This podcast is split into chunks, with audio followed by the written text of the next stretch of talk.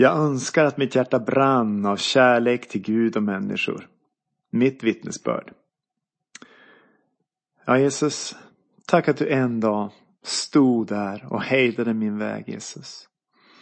Tack att din nåd fick möta min hjälplöshet, min hopplöshet.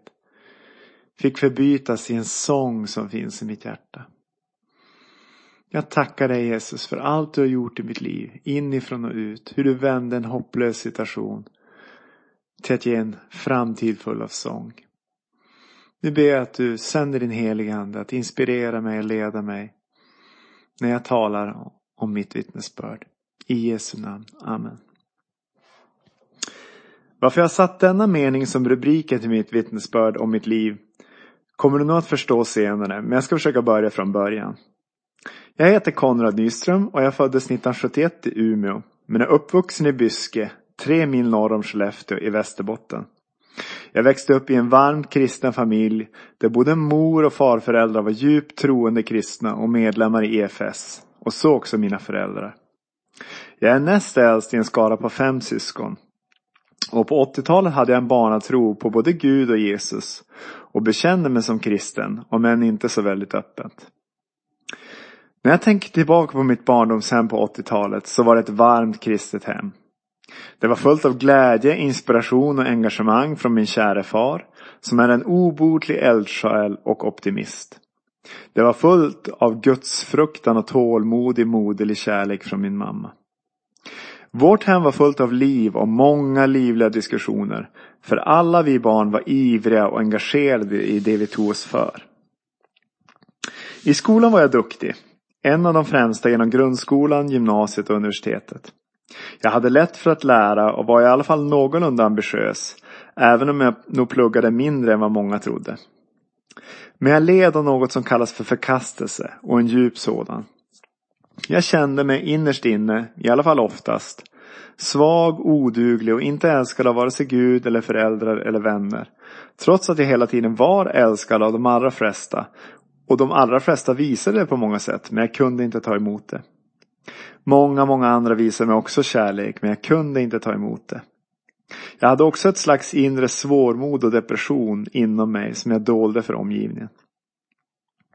När jag i tidiga tonåren började lyssna på Depeche Mode, vars musik är hyfsat dyster, så blev mitt sinne ännu mer nedstämt.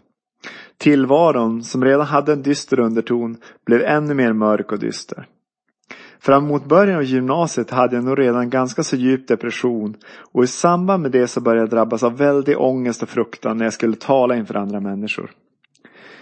All den förkastelse och depression som jag bar på gav upphov till en väldig fruktan inför andra människors uppfattning om mig och jag drabbades av stora skälvan när jag skulle tala inför andra. Men jag var och är en fighter. Jag ville till varje pris ha revansch och tänkte visa omvärlden och mig själv att jag minsann inte var svag. Och valde vårt lands allra mest kvalificerade och krävande utbildning under värnplikten. Med kustjägarna i Vaxholm som enda seriösa medtävlare.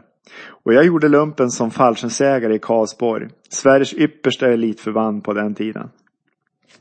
Det blev början på en 15 år lång tid inom Försvarsmakten som reservofficer vid fallskärmsjägarna och civilanställd inom försvaret.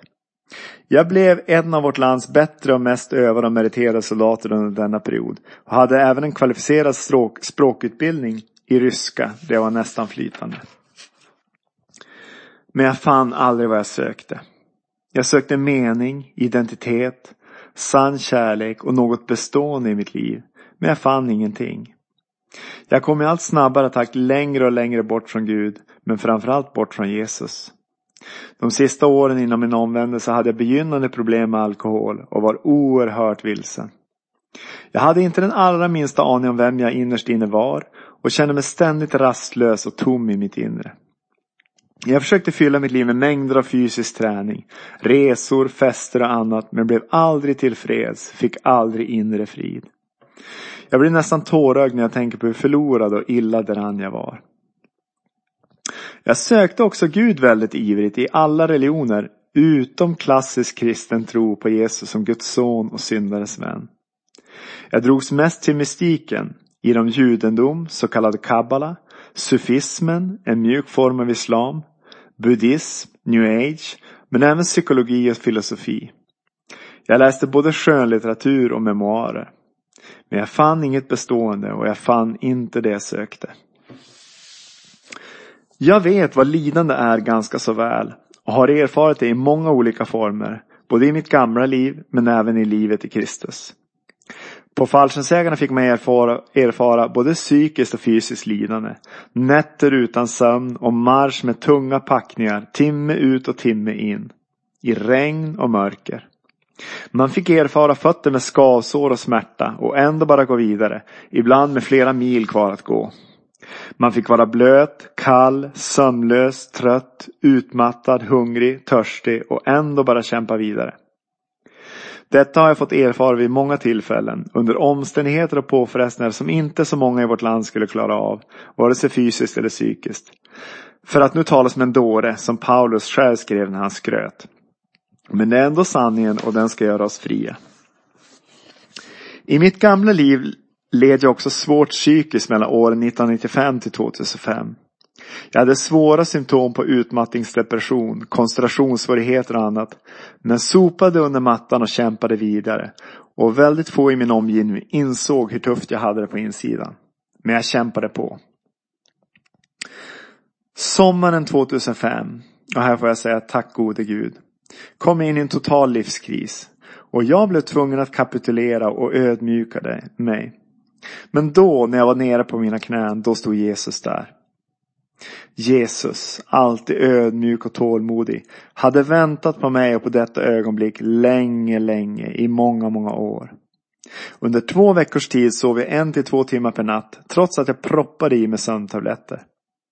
Jag försökte, i enlighet med min utbildning på fallskärmsjägarna, hålla mig uppe och vid gott mod med allehanda positiva ramsor. Jag tänkte, you gotta move marines, if you freeze you die. Jag tänkte att jag måste kämpa och vi måste vinna denna kamp. Allt stod på spel. Jag uppbådde all min viljestyrka och kämpaglöd. Men efter två veckor var jag helt slut, helt utmattad. Jag kom till en punkt där jag tänkte, Konrad, denna strid vinner du inte. Jag visste att min mamma var vis, så jag satte mig ner och skrev ett brev till min mamma. Trots att jag då var hemma i Byskeby på semester hindrade min envishet, stolthet och högmod mig från att tala direkt med henne. Utan jag skrev ett brev där jag i korthet sa Mamma, mitt liv är i kris. Och jag vet inte vart jag ska ta vägen. Och jag längtar ut. Jag la brevet på mammas säng. Nästa morgon talades jag och mamma vid. Jag minns det ännu som igår. Hon frågade vad jag menade med att jag längtade ut. Ut ur mig själv, svarade jag. Jag är fånge i mig själv. Hur har du det med Jesus? frågade mamma. Jag sa, jag har nog inte någonting med honom att göra. Ta och läs den här boken, sa mamma och gav mig vägledning till frid av C. O. Rosenius. Grundare av EFS och stor gudsman i mitten på 1800-talet. Jag åkte tillbaka till Stockholm, läste och bad, men mådde oerhört dåligt och det var en väldig kamp. En kväll var jag helt slut. Jag bara la mig på sängen, tittade rakt upp i taket och sa fritt från hjärtat. Här är jag. Jag ser ingen framtid, inget hopp, inget ljus, inget liv, bara mörker. Men här är jag. Samma natt hade jag en dröm. Jag satt i en radiokommunikationscentral och det kom ett anrop på radion. Hej, det här är från berget, sa en röst. Hur är läget? Här är det helt dött, svarade jag. Här är mycket liv på gång, sa rösten. Morgonen efter funderade jag mycket på drömmen men kunde inte tyda den. Jag kastade bort den på sophögen och ut ur minnet. Tre veckas, veckor senare tog jag ledigt en långhelg från jobbet i Stockholm och åkte till Sankt Davidsgården i Rättvik i Dalarna. En plats som jag senare fick reda på också kallas för just berget. Prästen som ledde retreaten hade en liten betraktelse vid lunchen när han sa att under den senaste veckan hade han fått två brev från tandläkaren hem till sig. Till honom stod det kallelse och till hans son stod det inbjudan. Så är det också med Guds rike, sa han. Det är både en kallelse och en inbjudan. Jag tyckte att detta var kloka ord och jag skrev upp mig för själavårdssamtal kvällen därpå. Jag klev in i rummet och sträckte fram min hand och sa Hej, mitt namn är Konrad och han sa Johannes. Jag berättade kort om mitt liv under kanske tio minuter och sa jag är i kris. Johannes lyssnade uppmärksamt och sedan utbrast han helt spontant. Men Konrad, du har ju så mycket att tacka Gud för.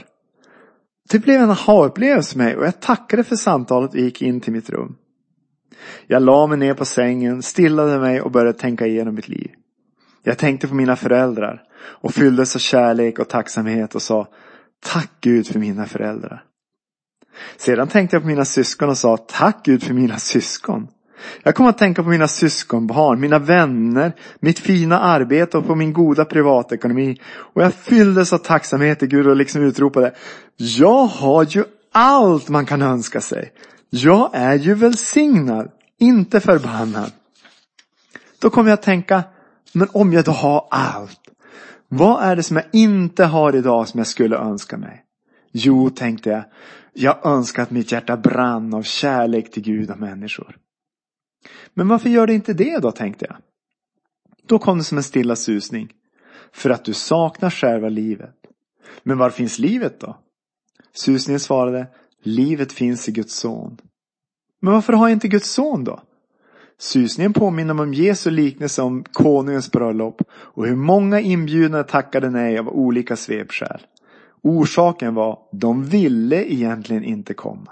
Då ropade jag i mitt hjärta, jag vill, jag vill, jag vill, vad ska jag göra? Susningen svarade bestämt, du ska inte göra någonting. Du ska bara gå direkt till frälsaren. Med ögonen slutna så lutade jag mig bara stilla mot Jesu bröstkorg. Och det sa bara svors från himlen. Hela min kropp slappnade av. Mitt inre fylldes av glädje.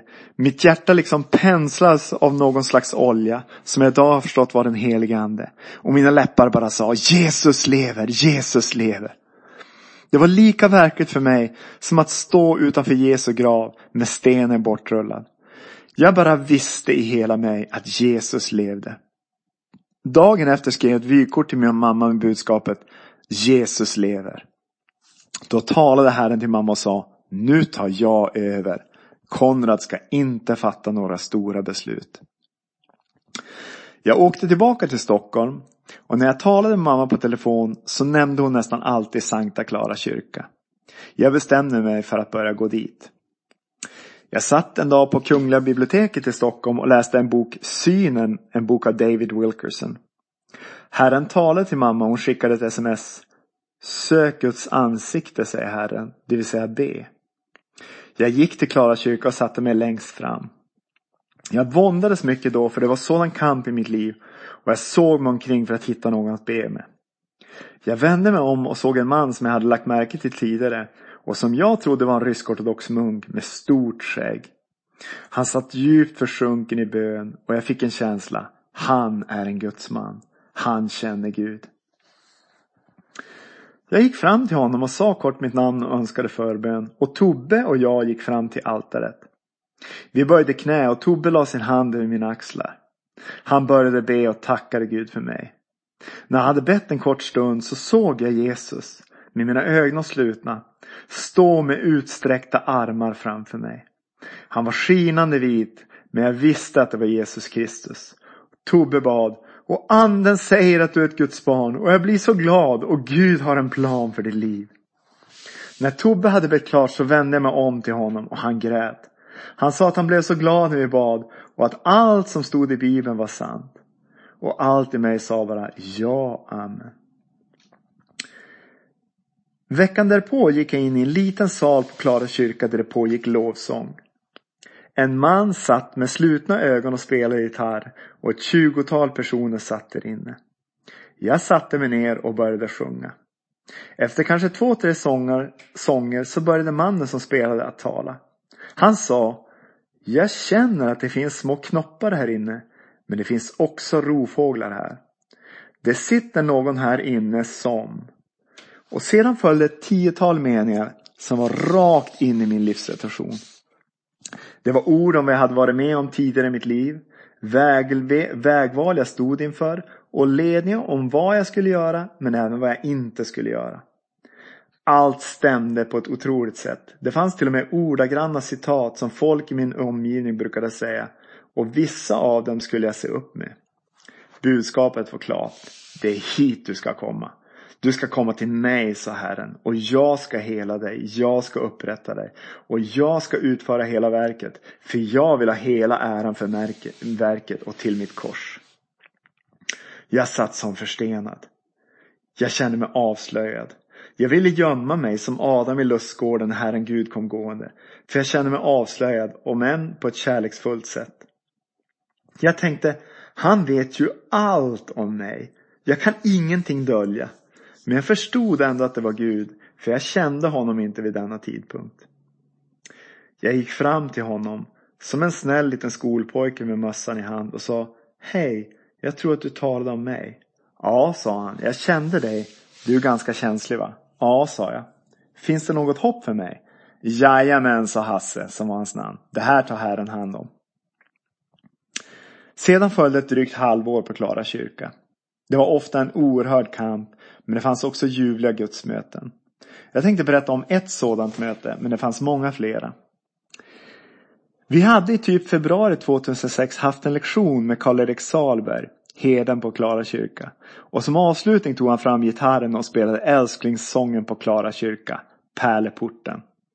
Mitt hjärta fylldes helt plötsligt av en innerlig kärlek och längtan efter Jesus Kristus. Och jag vet inte om jag någonsin hittills i mitt liv har prisat Herren som jag gjorde då. När sedan nästa lektion skulle börja så kom Viveka in, hustru till Hasse, satte sig på katedern och bad en kort bön. Hon sa jag fick från Herren att någon här inne har givit ut mycket kraft åt någon annan och det ska inte gå obelönat förbi. Jag trodde det gällde någon annan och tänkte inte mera på det. Bara någon dag, dag senare skulle jag träffa min själavårdare Hasse. Jag var under en oerhörd psykisk press som hade pågått ett halvår och som jag beskriver mer ingående i min bok. Men som i korthet innebar att jag hade en öppen väg att slå in på. Som en del yttre och inre röster sa var från Gud, att det var Guds kallelse. Men jag kände ändå en tveksamhet. Tänk om det är en listig fälla från den onde. Den press jag hade bestod att antingen säga nej och kanske förstöra Guds kallelse. Eller säga ja och kanske gå in i en fälla från fienden. Den press jag upplevde var oerhörd. Inte ens under mina 15 år vid fallskärmsjägarna, där de fysiska och psykiska påfrestningarna ofta var oerhörda, hade jag upplevt en sådan fruktansvärd psykisk press. Jag var pressad in till bristningsgränsen. Jag och Hasse satte oss framme i Klara kyrka vid altarringen och Hasse inledde med att säga, ska vi be? Och knäppte sina händer. Han han knappt börja be så brast allt för mig. All press, all kamp, all börda hade till slut blivit för mycket för mig. Tårarna bara kom och kom. Och Hasse förstod direkt vad som skedde och reagerade omedelbart. Han bara slöt sina ögon, bad en bön och satt framför mig med en sådan kärlek från Jesus. Han sa direkt tröstande ord. Var inte rädd, säger Herren. Herren säger att du kommer att få se att du är gudfruktig. Jag kan inte förklara den känsla av nåd, medkänsla och barmhärtighet som liksom sköljde över mig. Det var som att Jesus stod vid min sida och sa, jag vet. Jag känner ditt lidande. Jag känner din kamp. Jag satt där helt utblottad, hjälplös och helt utan egen styrka eller kraft.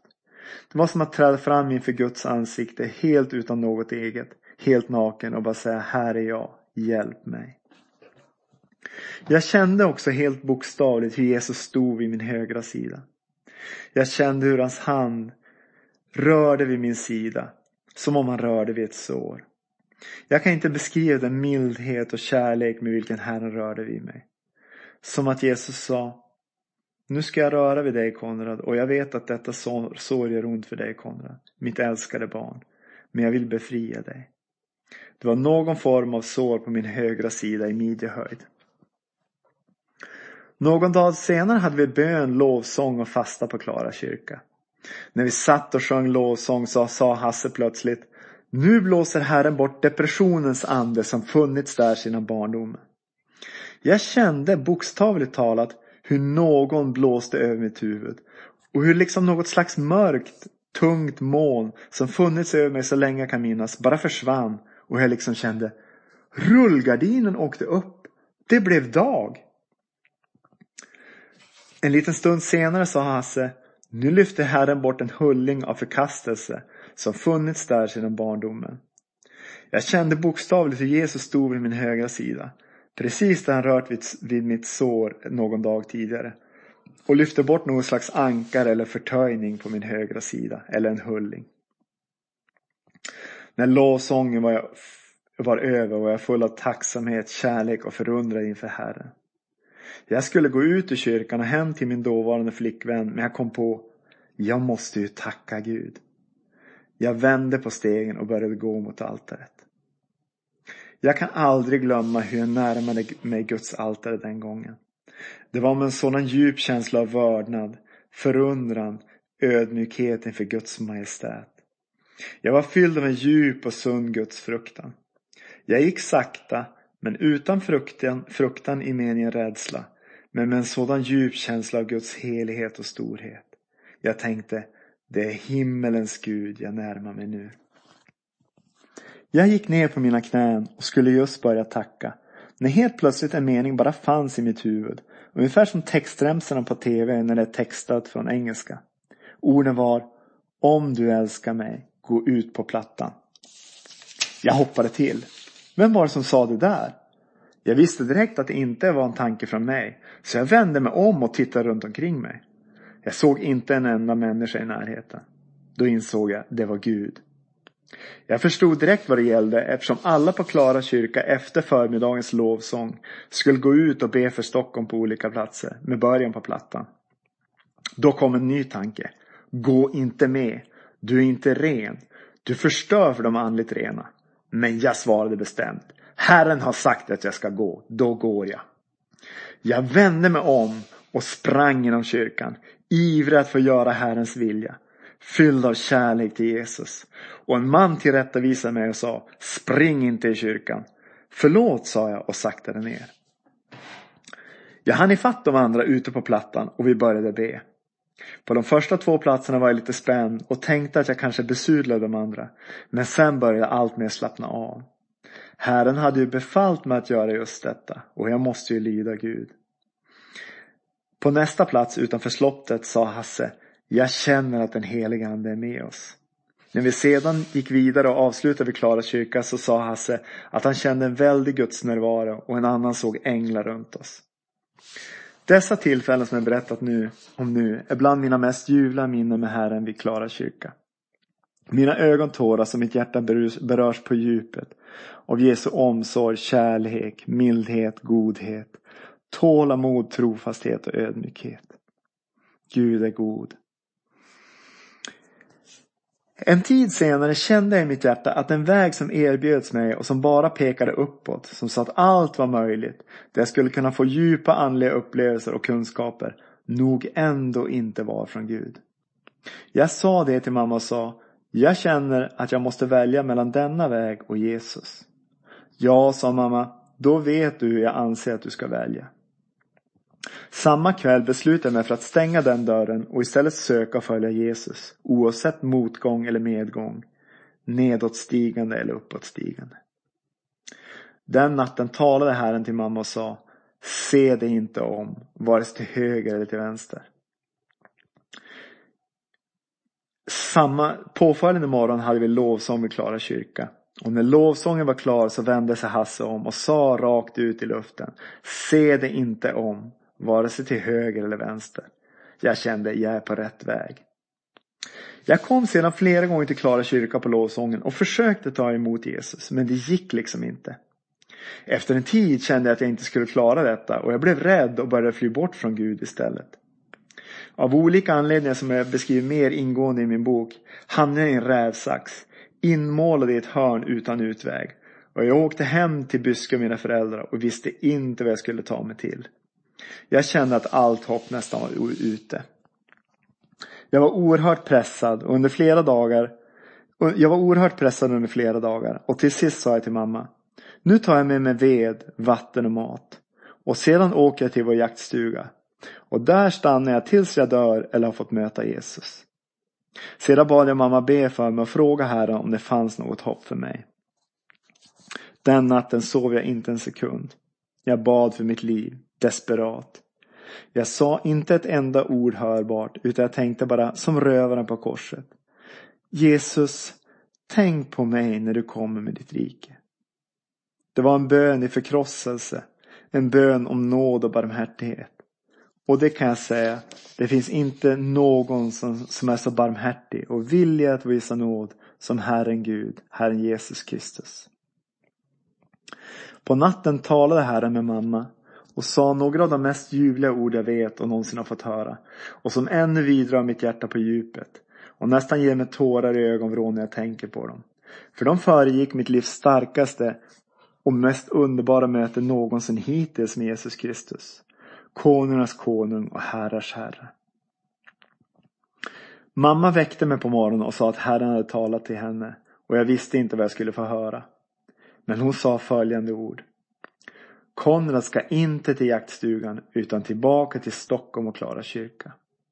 Ljus ska bryta fram ur mörkret. Jag ska göra det. I världen gäller kraft, styrka och mod. Men i Guds rike gäller nåd, frid och barmhärtighet med de svaga. Min nåd är dig nog, till kraften fullkomnas i svaghet. Utgjut ditt hjärta för mig och jag ska välsigna dig. Jag grät floder av tårar och sa att det kändes hopplöst. Men mamma sa i korthet, tig och gå i tro. Jag tog flyget till Stockholm och jag grät och grät. Och när jag till slut kom in i lägenheten tänkte jag att jag i alla fall kunde göra ett försök att finna Jesus. En tanke slog mig, vad behöver vi? Vi behöver kärlek, tänkte jag. Men det finns ju inte hos mig. Var finns det då? Hos Jesus. Jag gick ner på mina knän vid min säng och sa bara två gånger med innerlig kärlek Jesus, Jesus. Sedan hoppade jag upp i sängen och jag landade liksom i ett hav av bomull. Och det var som att krypa upp i Jesu famn. Jag bad bara rakt ut i luften den Helige ande att leda mig i bibelläsningen. Och jag öppnade bibeln på måfå. Och av en slump, inom citationstecken, fick jag upp Johannes evangeliet kapitel 1. När jag började läsa orden i begynnelsen var ordet och ordet var hos Gud och ordet var Gud. Så började ljus bokstavligt talat bryta in i min kropp. Ju mer jag läste desto mer fylldes jag av Jesus Kristus och Guds ande. Och när jag kom fram till slutet av Johannes evangeliet så badade både jag och hela lägenheten i ett hav av nåd, frid, glädje och ljus. Då började jag tyst inombords läsa välsignelsen över Klara kyrka och Stockholm. När jag tyst sa orden Herren välsigne er och bevara er så föll poletten ner. Jesus är Herren. När jag läst klart var jag fylld av Guds ande. Hela jag var fylld av en himmelsk kärlek, glädje och frid. Jag kunde krama om hela världen. Det var den allra största lyckokänsla jag upplevt i hela mitt liv. Känslan var äntligen. Äntligen har jag funnit det jag sökt i hela mitt liv. Äntligen är jag fri. Jag känner mig också så fylld av Guds ande och kraft att jag var redo att både kämpa för alla människors frälsning men också om nödvändigt kämpa mot allt motstånd. Om det så vore hela världen som skulle stå mig emot. Jag ringde min mamma full av tro och mod. Hon skrattade och sa Konrad, du är rolig. Ena stunden är allt hopplöst, nästa är allt möjligt. Sedan den dagen bor Jesus Kristus i mitt hjärta genom den helige Ande. Han har fyllt mitt hjärta med en glädje som inte har kunnat besegras eller utplånas ens av svåra motgångar och prövningar. Kort efter min frälsning drabbades jag av OCD, tvångstankar, som jag brottades svårt med under tio års tid. De handikappade mitt liv med Herren nästan fullständigt under lång tid. Och vissa perioder låg jag bara stilla i min säng, i fosterställning, och var så rädd att jag inte vågade röra mig. Jag var också inlagd på psykiatrin under närmare tre års tid. Men Herren var, är och förblir evigt trofast. Jesus var med mig i allt det svåra. Utan att svika mig, utan att överge mig. Och han har lett mig igenom det. Kristuslivet i mig, det vill säga Guds ande som bor i en kristen, har visat sig starkare och mer uthålligt än de prövningar jag fått möta. De sista två åren, och särskilt det senaste året, har Herren rest mig upp på ett sätt som är närmast ofattbart och makalöst sätt. Idag är jag nästan helt frisk och min glöd för Kristus, min kärlek till och hängivenhet för honom har fått nytt liv igen. Jag har fått en ny kärlek och omsorg om min nästa. Lågan brinner igen. Och detta inte tack vare något hos mig, tro mig. Jag har vacklat, fallit, snubblat, tvivlat, varit svag, modlös och ibland även trolös. Men Herren Gud har ändå varit trofast mot mig. Jag inser mer och mer att vi inte kan bygga på något hos oss själva. Inte ens på vår egen stora och starka tro, som många kristna idag söker och berömmer sig av. Men inför Gud är allt beröm uteslutet. Det som kommer an på oss är att söka och följa Jesus. Allt annat beror på och kommer an på honom. All of Jesus, none of me, som en av mina favoritförkunnare, Carter Conlon, sjunger i en sång som han har skrivit. Jesus har givit mig en djup frid. Ja, jag är lik min pappa så jag är väldigt aktiv, men jag har ändå en frid inom mig. Och Jesus har givit mig ett hjärta fyllt av kärlek. Kärlek till Jesus, kärlek till Gud. Kärlek till mina medmänniskor oavsett ras eller kön. En stor kärlek till mina syskon i Kristus. Och Jesus har givit mig av Guds kärlek till mig. Jag känner mig älskad av Gud, i alla fall nästan jämt. Guds kärlek bor i mig och påverkar min karaktär, mitt hjärta, min personlighet. Allt detta är ett verk av Jesus Kristus genom Guds ande som bor i mig. Jesus Kristus vill och kan ordna till vår yttre tillvaro också. Men han vill främst ge oss av det så kallade Kristuslivet. Det är Kristus som bor i den som tror på honom genom den helige Ande och som är Guds eget liv som lever i oss. Jesus sa att den som tror på honom ur hans inre ska flyta strömmar av levande vatten. Den källa som springer upp till evigt liv. Och vad Jesus har gjort i mitt liv, den inre källa av kärlek, glädje och frid som Herren har gett mig, den kommer han att ge dig också. Han gör inte skillnad på person. Han kommer att ge dig en inre bubblande glädje och ett överflöd av kärlek. Han kommer att ge dig en djup frid. Min vandring med Jesus Kristus började med bönen jag önskar att mitt hjärta brann av kärlek till Gud och människor. Det är för mig fortfarande en bön jag ber ofta, varje dag, ofta flera gånger. Mitt hjärtas längtan är fortfarande att få mer av Jesus Kristus och framförallt mer av Jesus kärlek i mig. Min längtan är att få sprida budskapet om Jesus Kristus. Jag vill vittna om Jesus kärlek i både ord och handling. Kärnan i det kristna budskapet är enkelt. Kristus dog, Kristus uppstod och Kristus ska komma tillbaka en dag och upprätta sitt rike. Och Jesus Kristus vill inte bara ge dig evigt liv i himlen utan även ett förvandlat liv här på jorden. Det Jesus har gjort i mitt liv, hur han har fyllt mitt inre med överflödande liv, det kommer han att ge även dig. Vägen till Gud Fadern, till Guds rike, himlen och evigt liv står öppet för var och en. Det enda som krävs är att man kommer till Jesus Kristus, tar emot honom och tror på honom. Det är ett beslut som du aldrig kommer att ångra, varken här på jorden och absolut inte en dag i himlen. Där väntar en framtid full av sång, full av kärlek, glädje och frid. Och i Uppenbarelseboken finns ett av mina favoritlöften om den kommande verkligheten. Och Herren Gud ska torka alla tårar från våra ögon. De tårar som Jesu lärjungar får fälla här i tiden, här på jorden, kommer en dag att vändas i en obeskrivlig glädje. Amen. Ja Jesus, jag tackar dig för det du har gjort i mitt liv. Tack att du grep in i mitt liv och tack att du vill gripa in i allas liv som åkallar ditt namn. Jag ber Jesus att du sänder din helige Ande och vidrör hjärtana på de människor som har hört detta. Ge dem en längtan efter att få tillhöra dig. Att få det liv du vill ge dem redan här på jorden. Fyllt av en inre kärlek, glädje och frid. Men också det liv som du erbjuder i himlen. Jag ber så i Jesu Kristi namn. Amen.